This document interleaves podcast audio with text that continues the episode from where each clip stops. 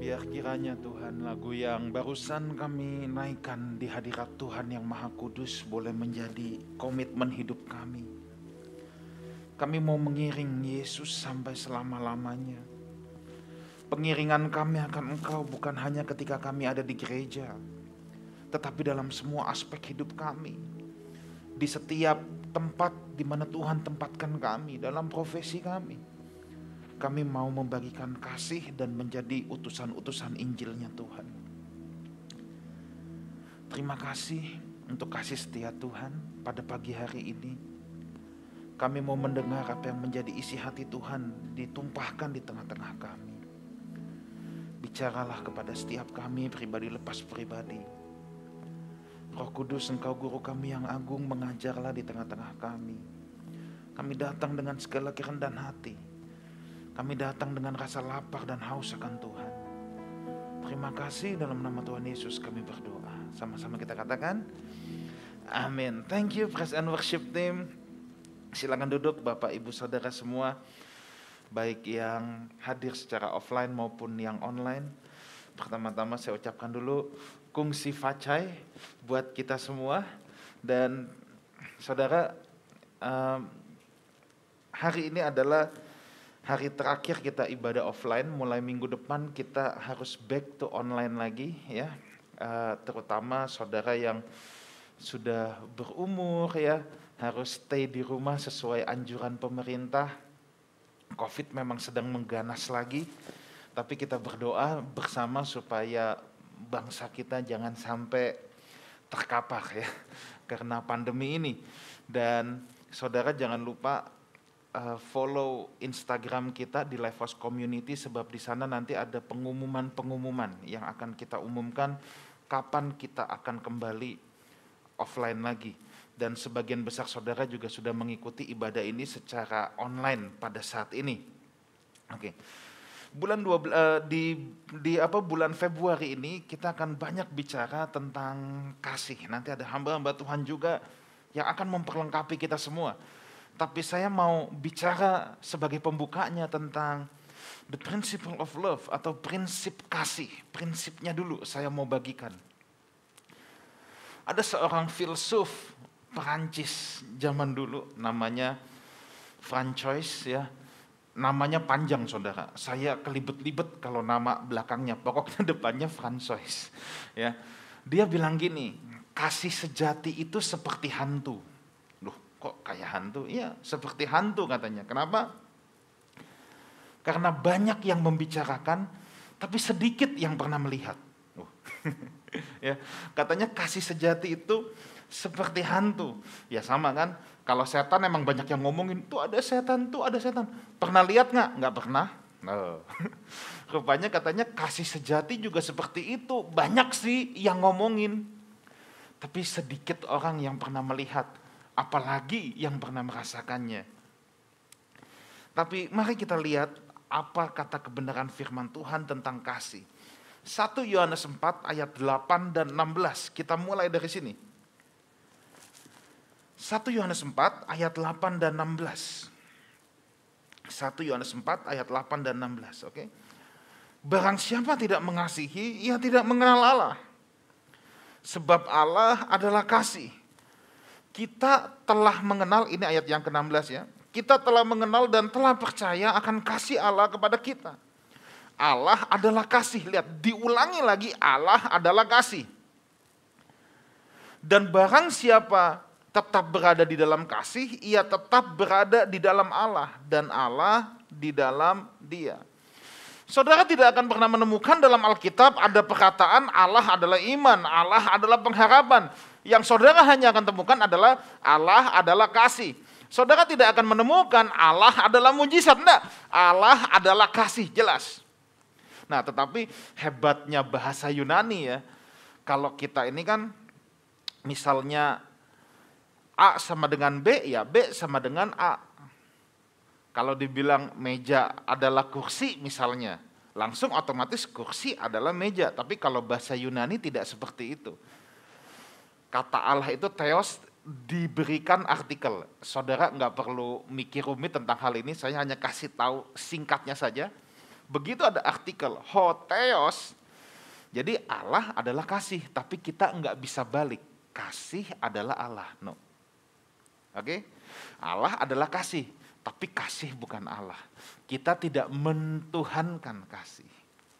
Nah, tetapi kenapa Allah sampai menyebut dirinya Allah adalah kasih? Sebab begini saudara, kasih adalah hakikat Allah sendiri. Kasih merupakan hakikat. Hakikat adalah bagian integral yang tidak bisa dipisahkan dari dirinya. Itu kasih.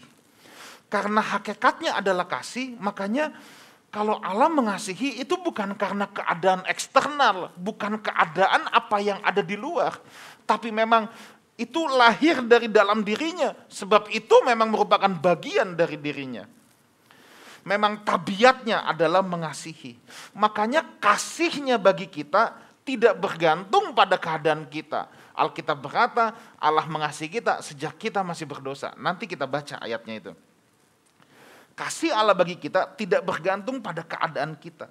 Tapi bergantung pada hakikat Allah sendiri. Allah tidak bisa berhenti mengasihi. Sebab hakikatnya memang adalah kasih. Jadi kalau dia mengasihi kita karena memang dia adalah Allah yang demikian adanya. Dan manifestasi kasih Allah yang paling besar, paling nyata untuk kita adalah pengorbanan Kristus. Turun ke dunia, mati di atas kayu salib. Nah, saya akan bagikan empat prinsip kasih secara sederhana. Ya.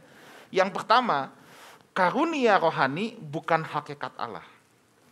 Tapi kasih adalah hakikat Allah. Saya ulang lagi, karunia rohani bukan hakikat Allah, tapi kasih adalah hakikat, adalah hakikat Allah. Kita akan lihat dulu dari 1 Korintus 12 ayat 31 sampai 1 Korintus 13 ayat 3. 1 Korintus 12 itu bicara tentang karunia roh, 1 Korintus 14 bicara tentang karunia roh. Nyelip di tengah 1 Korintus 13 Paulus bicara tentang kasih. Nah, di ayat terakhir di pasal yang ke-12, Paulus bilang gini, 1 Korintus 12 ayat 31. Ini ayat yang terakhir. Di pasal 12. Jadi, berusahalah untuk memperoleh karunia-karunia yang paling utama. Itu yang Paulus bilang ya. Dan aku menunjukkan kepadamu jalan yang lebih utama lagi. Jadi rupanya ada sebuah jalan yang lebih utama.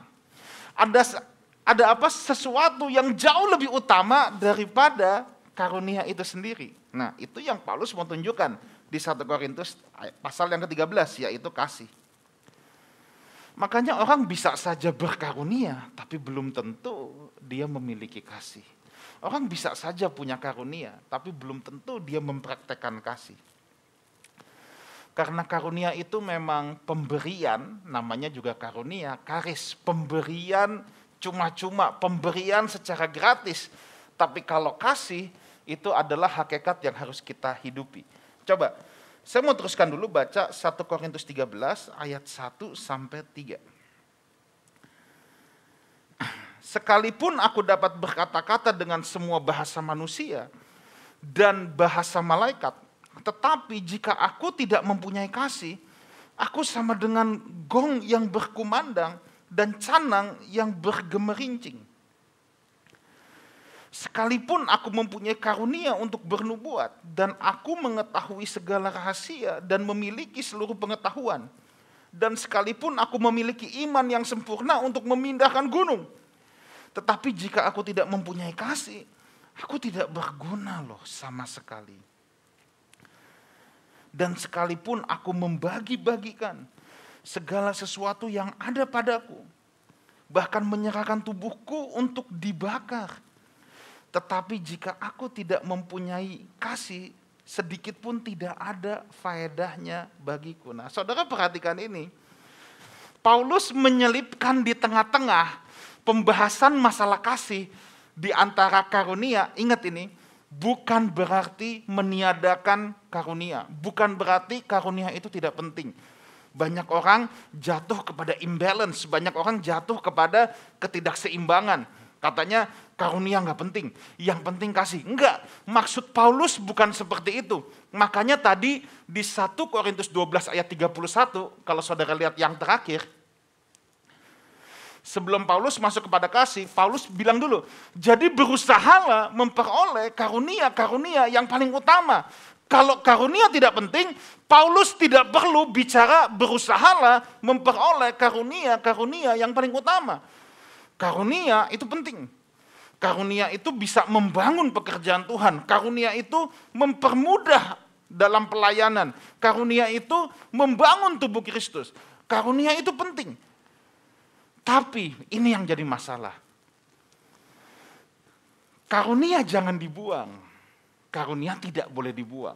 Kadangkala saya sering kali mendengar ada orang yang mengesankan karunia itu udah tidak penting lagi. Enggak, karunia jangan dibuang. Tapi yang menjadi persoalan adalah kalau praktek karunia tidak didasarkan pada kasih. Makanya 1 Korintus 13 ayat 1 sampai 3 kalau saudara lihat Paulus mulai dengan karunia-karunia yang paling spektakuler. Yang wow, persoalan jemaat di Korintus adalah mereka kaya akan karunia, tetapi ketika mereka melakukan itu, mereka tidak mendasarkannya pada kasih. Di situ persoalannya. Jadi kita harus memahami bahwa bukan karunia tidak penting. Paulus tidak bermaksud menuliskan ini untuk mendiskreditkan karunia. Enggak, bahkan Paulus bilang, kejarlah karunia yang paling utama.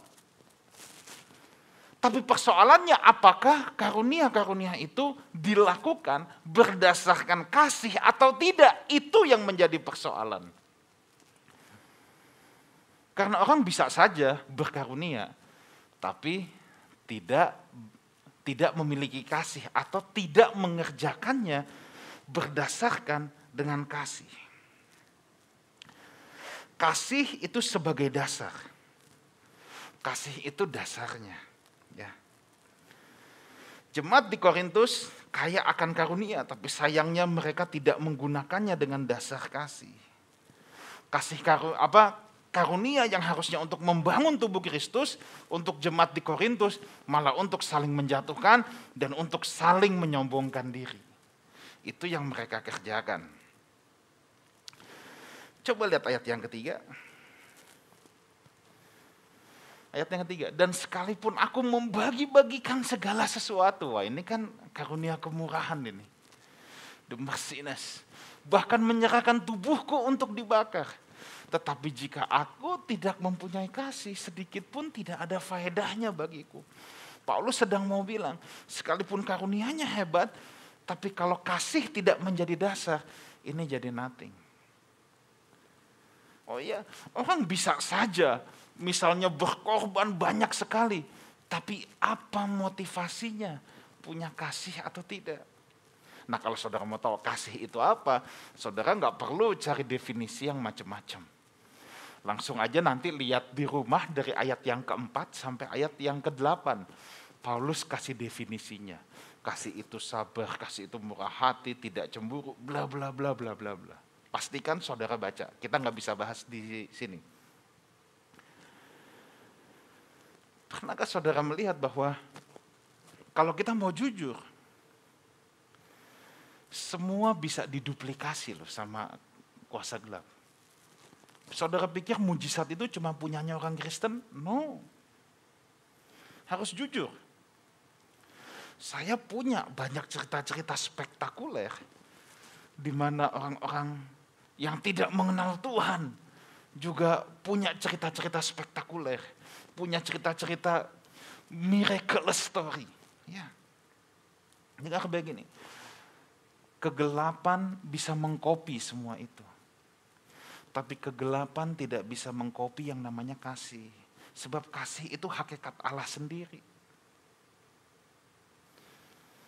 Kegelapan bisa kasih saudara mau apa, mau mujizat, mau uang banyak. Kegelapan pun bisa kasih itu. Cuma satu yang dia nggak bisa tiru, yang dia nggak bisa kopi itu kasih. Sebab kasih itu hakikatnya Tuhan. Kasih tidak bisa dikloning sama kegelapan. Yang lain bisa. Yang lain bisa. So, begitu pentingnya kasih, Itu prinsip kasih yang pertama ya. Bahwa karunia rohani bukan hakikat Allah, tapi kasih adalah hakikat Allah. Itu prinsip pertama yang harus kita renungkan, yang harus kita bawa pulang pada kesempatan ini. Prinsip yang kedua, kita hanya bisa mengasihi kalau kita sendiri dipenuhi kasih Tuhan. Prinsip yang kedua, kita hanya bisa mengasihi kalau kita sendiri sudah penuh sama kasih Tuhan. Kalau kita belum dipenuhi kasih Tuhan, sulit untuk kita mengasihi. Apakah kita serius kalau kita tanya sama diri sendiri bahwa kita udah sungguh-sungguh sadar bahwa Tuhan sangat mengasihi kita? Coba kita mau lihat dulu Roma 5 ayat yang ke-8. Dan saya harus beritahu, Tuhan mengasihi kita tidak tunggu kita jadi baik dulu, saudara. Ya. Tuhan mengasihi kita tidak tunggu kita jadi baik dulu. Roma 5 ayat 8. Akan tetapi Allah menunjukkan kasihnya kepada kita. Oleh karena Kristus telah mati untuk kita. Lihat ini, ketika kita masih berdosa. Tidak tunggu saudara jadi baik dulu. Enggak, memang dari awal saya katakan, hakikat Tuhan adalah mengasihi. Dia tidak bisa berhenti mengasihi saudara tidak akan bisa. Ya. Dan kasihnya itu bukan cuma wacana, bukan cuma omdo, dia sudah buktikan berikan dirinya untuk kita. 1 Yohanes 4 ayat 10, kita akan buka beberapa ayat saudara ya.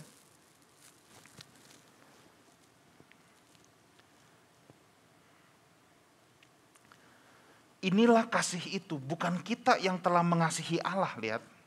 Tetapi Allah yang telah mengasihi kita dan yang telah mengutus anaknya sebagai pendamaian bagi dosa-dosa kita.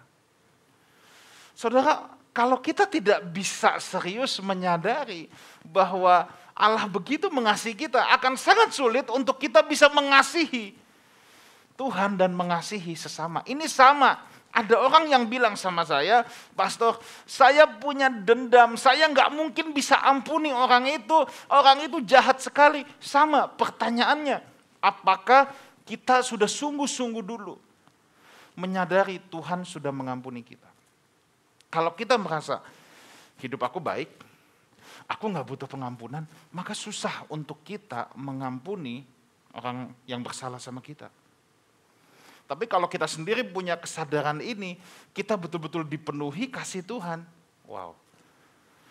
Kita betul-betul merasa kita sudah diampuni, maka keputusan kita untuk mengampuni orang lain itu juga tidak akan berat.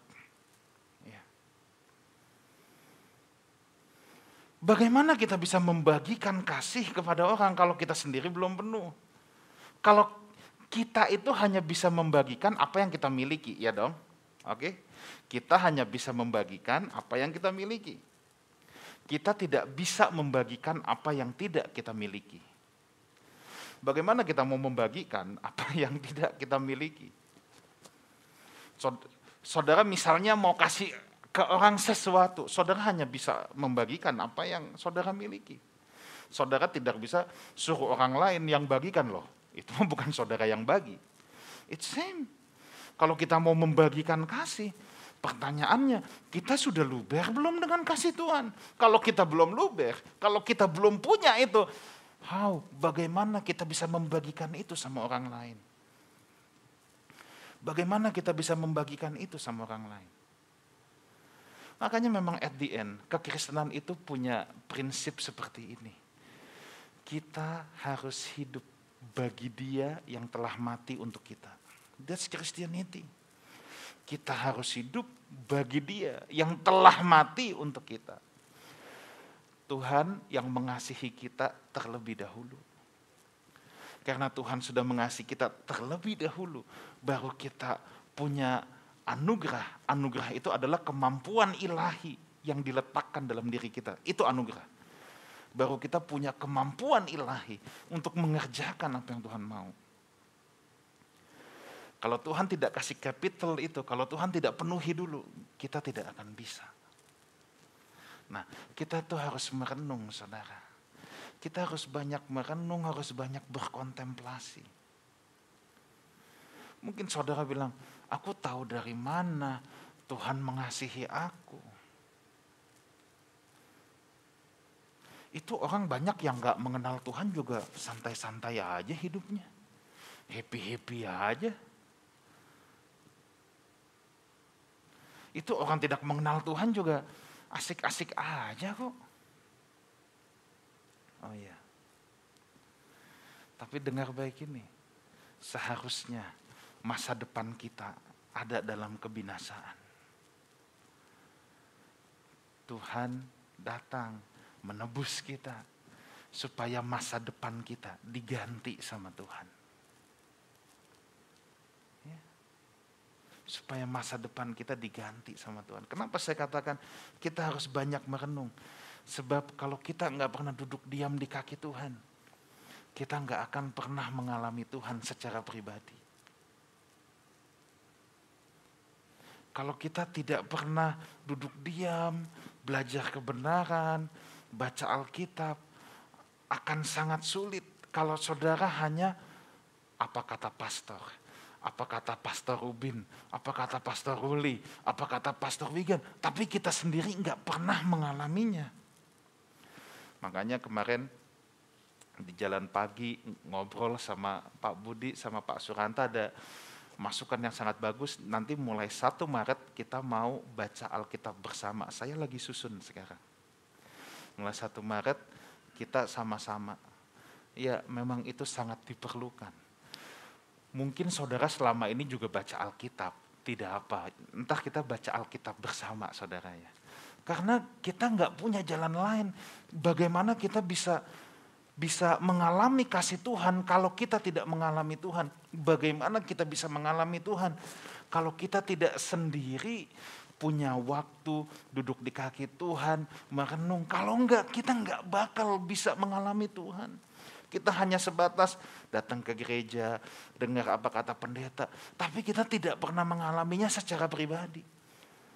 Kalau kita nggak mengalami secara pribadi, kita nggak dipenuhi kasihnya. Bagaimana kita bisa membagikannya untuk orang lain? So, prinsip yang kedua tentang kasih.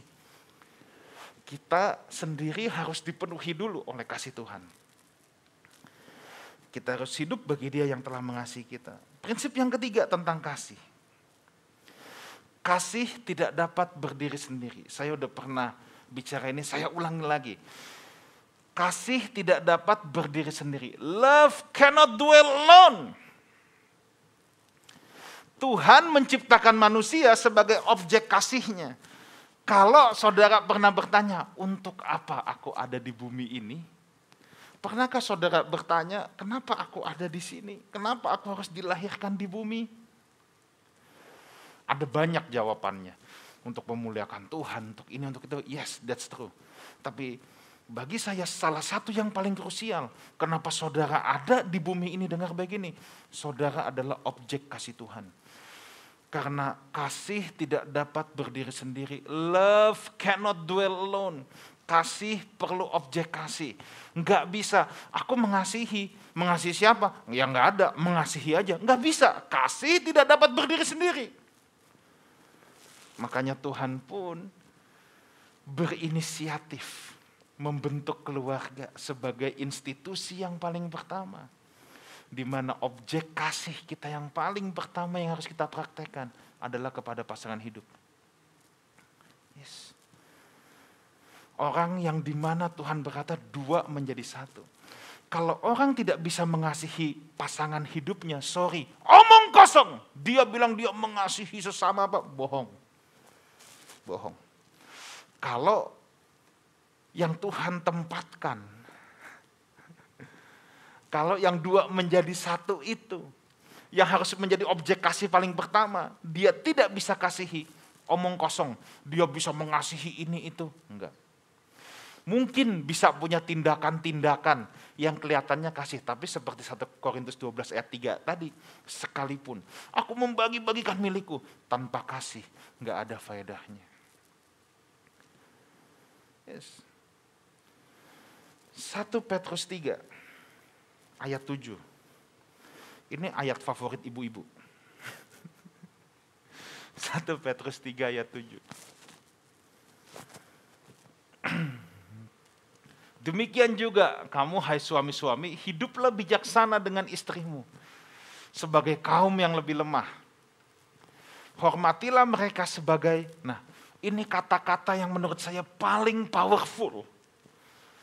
Sebagai teman pewaris dari kasih karunia. Pasangan hidup kita adalah teman pewaris kasih karunia. Bahkan dikatakan yaitu kehidupan. Supaya apa? Doamu jangan terhalang. Siapa saudara yang suka merasa, kenapa doaku seperti terhalang? Ini salah satu yang harus dicek. Apakah saudara mengasihi istrimu seperti teman pewaris kasih karunia? Istri itu bukan sansak tinju saudara ya. Kalau dia teman pewaris kasih karunia, dia adalah tempat pertama kita harus latihan, latihan untuk membagikan kasih. Kalau orang tidak bisa mengasihi istrinya, makanya saya bilang, kalau nggak bisa mengasihi pasangan hidupnya, nggak bisa mengasihi yang lain. Bohong semua omong kosong. Bisa kelihatannya berbuat kasih, tapi pasti motivasinya bukan kasih yang benar. Doamu mau tidak terhalang, bapak-bapak? Ini salah satu kuncinya kata Alkitab. Kasihi pasangan hidupmu sebagai teman pewaris kasih karunia. Kenapa kehidupan kekristenan komunal tidak bisa sendiri? Again, kasih itu butuh objek. Makanya kehidupan kekristenan pun komunal. Setelah pasangan hidup, skup yang lebih luas lagi. Seperti latihan, kita tuh jangan ngomong lu, aku mengasihi seluruh dunia. Enggak, dimulai dulu dari yang paling dekat, pasangan hidup lulus komunitas. Lulus ini baru bisa ke skup yang lebih luas lagi.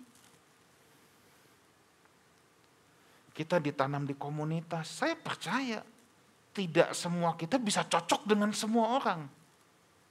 Oh iya, tapi kasih bekerja justru di sana. Di sana latihannya kita punya kasih atau tidak. Apakah kita punya kasih yang sejati yang seperti yang Tuhan miliki? Itu yang harus kita usahakan kan? Kasih yang walaupun bukan kasih yang jika. Nah, itu. Kasih yang walaupun kasih Tuhan itu kasih yang walaupun walaupun kita bagaimana Tuhan tetap mengasihi kita. Itu kasih yang walaupun bukan kasih yang jika.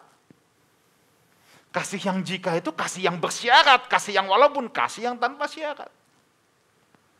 Makanya kehidupan kekristenan pun komunal. Perlu orang lain. Kenapa? Perlu objek kasih. Enggak bisa sendirian. Justru dalam komunal lah, dalam komunitas lah. Besi menajamkan besi, manusia menajamkan manusia. Apakah kita benar memiliki kasih atau tidak? Di situ latihannya, prakteknya. Kita diajar harus mengasihi sekalipun, walaupun Mungkin ada hal yang gak cocok dengan kita.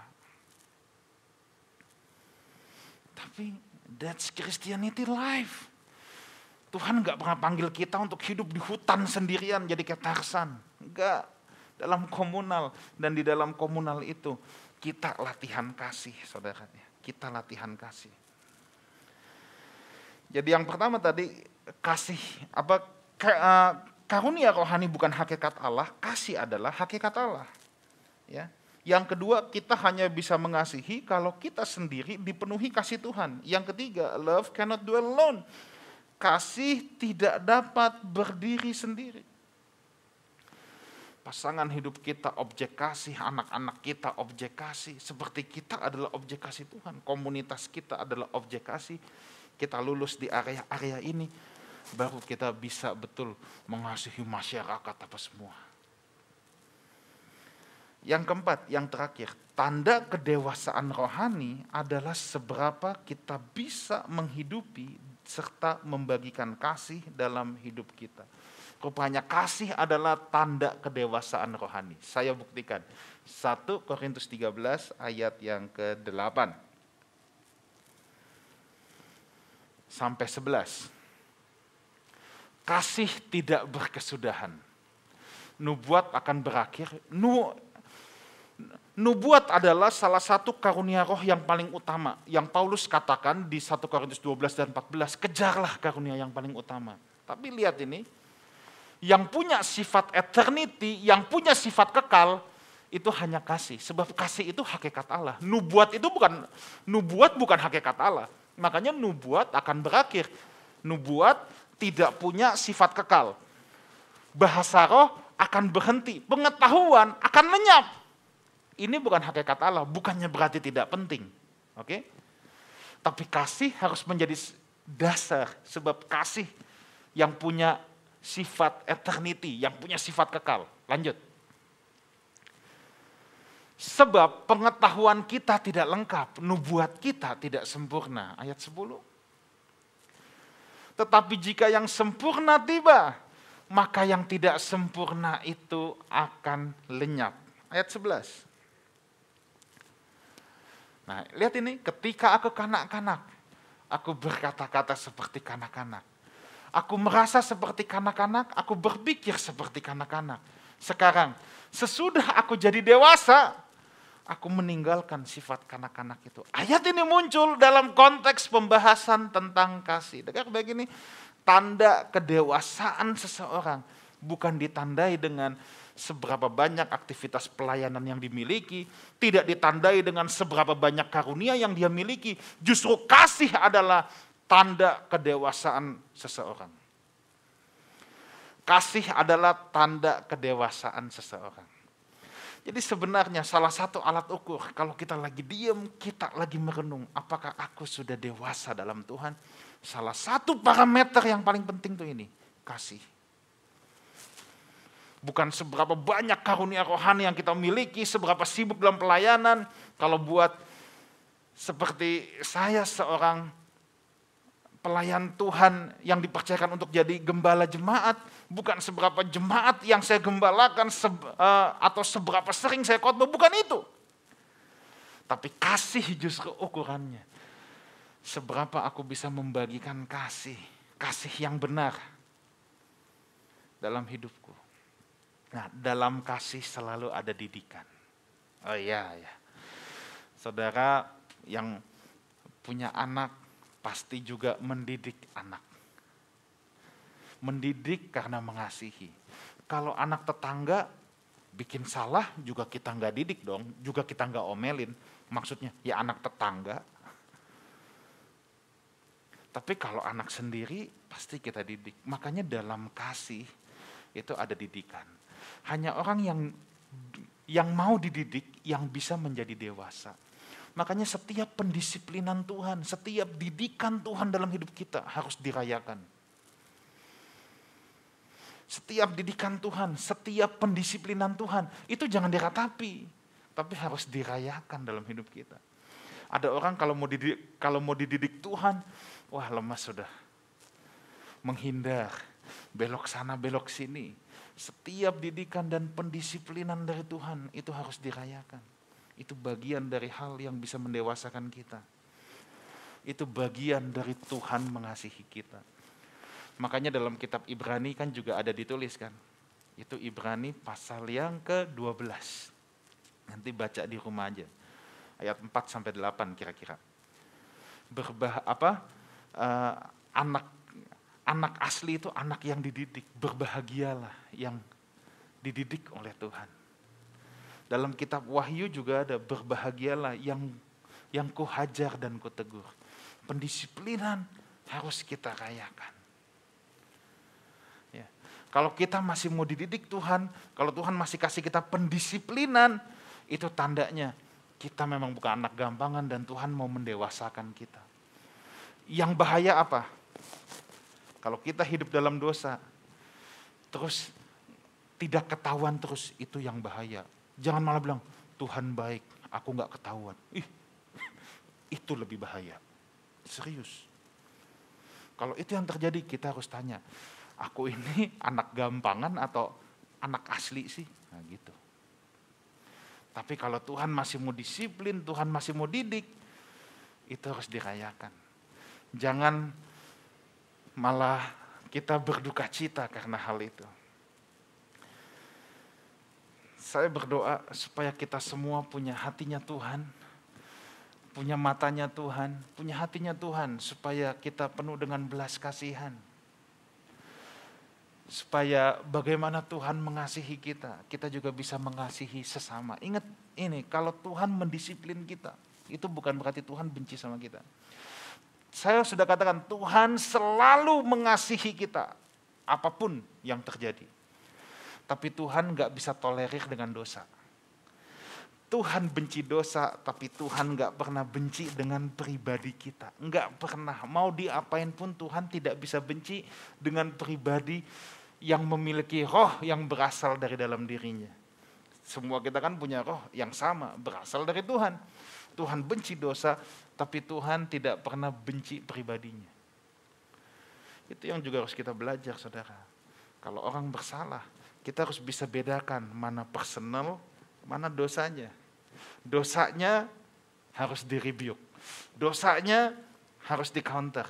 Tapi jangan benci sama pribadinya. Tuhan nggak ngajarin itu. Sebab Tuhan mengasihi kita. Sejak kita masih berdosa. Itu bukan berarti Tuhan mengasihi dosa kita, bukan. Tuhan mengasihi pribadi kita.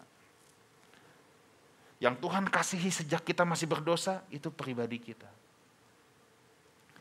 Saya berdoa kita bisa membawa pulang empat prinsip sederhana ini dan minggu-minggu ke depan ada hamba-hamba Tuhan yang akan memperlengkapi saudara lebih lagi ya dengan satu bulan ini kita bicara tentang kasih. Mari kita bangkit berdiri, kita siapkan hati kita masuk dalam perjamuan Tuhan.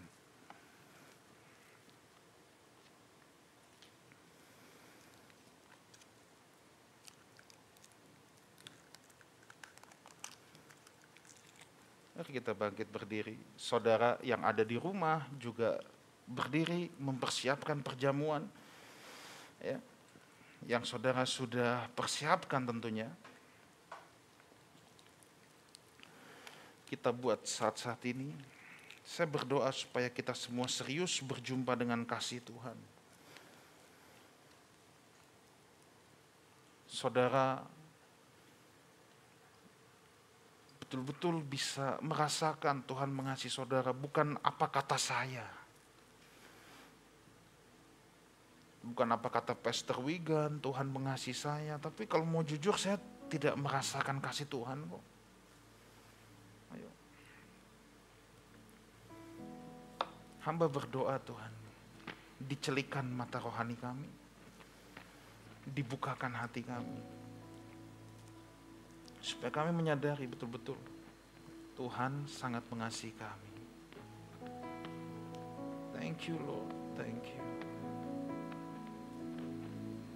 Segmen dengan sangat lembut dulu. Semua kita, baik yang offline maupun online, tundukkan kepala. Mungkin saudara berkata, dalam hidupmu tidak ada yang mengasihi aku. Semua orang menolak aku. Tapi saya sebagai hamba Tuhan saya mau bilang gini. Tuhan mengasihi saudara. Saudara selalu ada di pikirannya Tuhan. Sungguh indah, sungguh besar yang Tuhan pikirkan tentang saudara. Yang mungkin saat ini saudara juga tidak tahu. Tapi saya mau beritahu gini. Tuhan sudah punya rencana. Yang perlu saudara lakukan, buka hatimu. Biar Tuhan yang menerobosi hatimu supaya engkau bisa melihat betapa Tuhan memikirkanmu, apa yang menjadi rencana-rencana Tuhan dalam hidup saudara. Engkau terobosi Tuhan, hati setiap jemaat Tuhan di tempat ini, hati setiap anak-anak Tuhan, supaya kami bisa melihat dengan matanya Tuhan. Supaya kami bisa melihat perbuatan tangan Tuhan. Supaya kami bisa melihat rencana-rencana Tuhan. Mungkin ada saudara yang merasa aku mentok, aku gagal terus, aku kayak kejedot tembok kiri, kejedot tembok kanan. Tapi saya mau beritahu gini, jangan sampai kehilangan pengharapan itu. Tangan Tuhan pasti menolong saudara tepat pada waktunya. Kalau ada masalah, ada pergumulan hidup yang Tuhan sedang izinkan untuk saudara hadapi. Saya dapat pastikan Tuhan mau membawa saudara untuk mengenal pribadinya dalam dimensi yang baru, dalam pengalaman-pengalaman yang baru. Tuhan mau berurusan secara pribadi kepada setiap kita.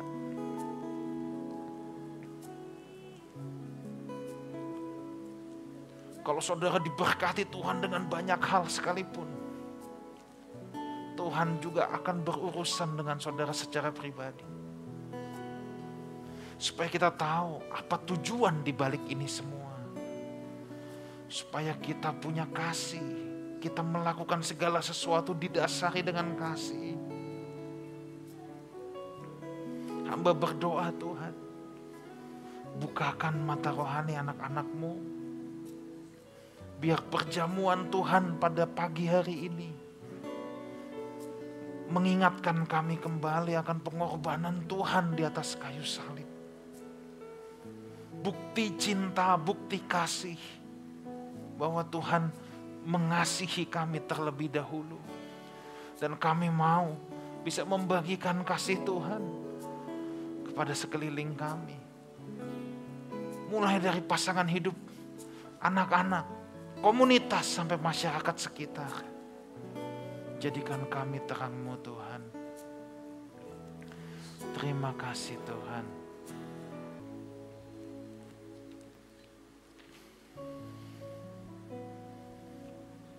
Sebab apa yang telah aku teruskan kepadamu, telah aku terima dari Tuhan.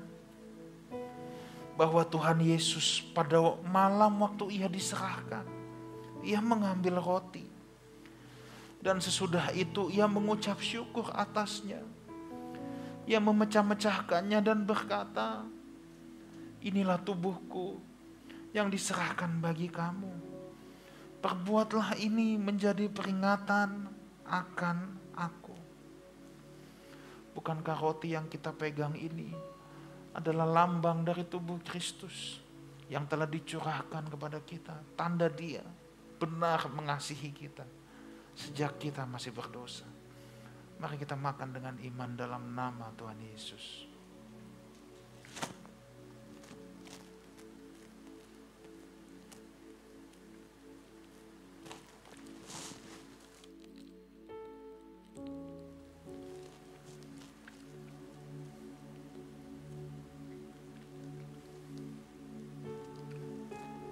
Mari kita angkat cawan anggur di tangan kanan kita. Demikian juga ia mengambil cawan sesudah makan. Lalu berkata, cawan ini adalah perjanjian baru yang dimeteraikan oleh darahku. Perbuatlah ini setiap kali kamu meminumnya, menjadi peringatan akan aku. Sebab setiap kali kamu makan roti ini dan minum cawan ini, kamu memberitakan kematian Tuhan sampai ia datang. Bukankah anggur yang kita pegang ini lambang dari darah Tuhan Yesus Kristus? Mari kita minum bersama dalam nama Tuhan Yesus.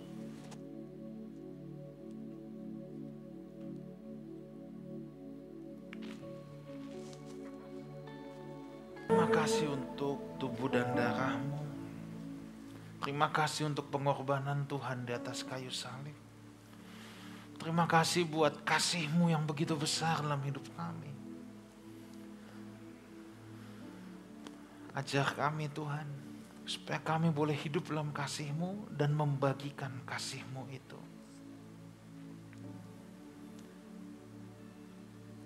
Ampuni kami kalau ada ketidaklayakan, ketidakpatutan, dosa kesalahan yang kami kerjakan di hadapan Bapa. Kami mau bertobat setiap hari Tuhan. Kami mau berjanji, kami tidak mau melakukan hal-hal yang melukai hati Bapa. Dengan cara inilah kami membalas kasih Tuhan dalam hidup kami. Terima kasih. Memberkati setiap jemaat Tuhan. Memberkati komunitas di mana Tuhan tanamkan kami. Terima kasih. Dalam nama Tuhan Yesus sama-sama kita katakan, Amin. Silakan duduk. Tuhan Yesus menyertai kita semua. Haleluya.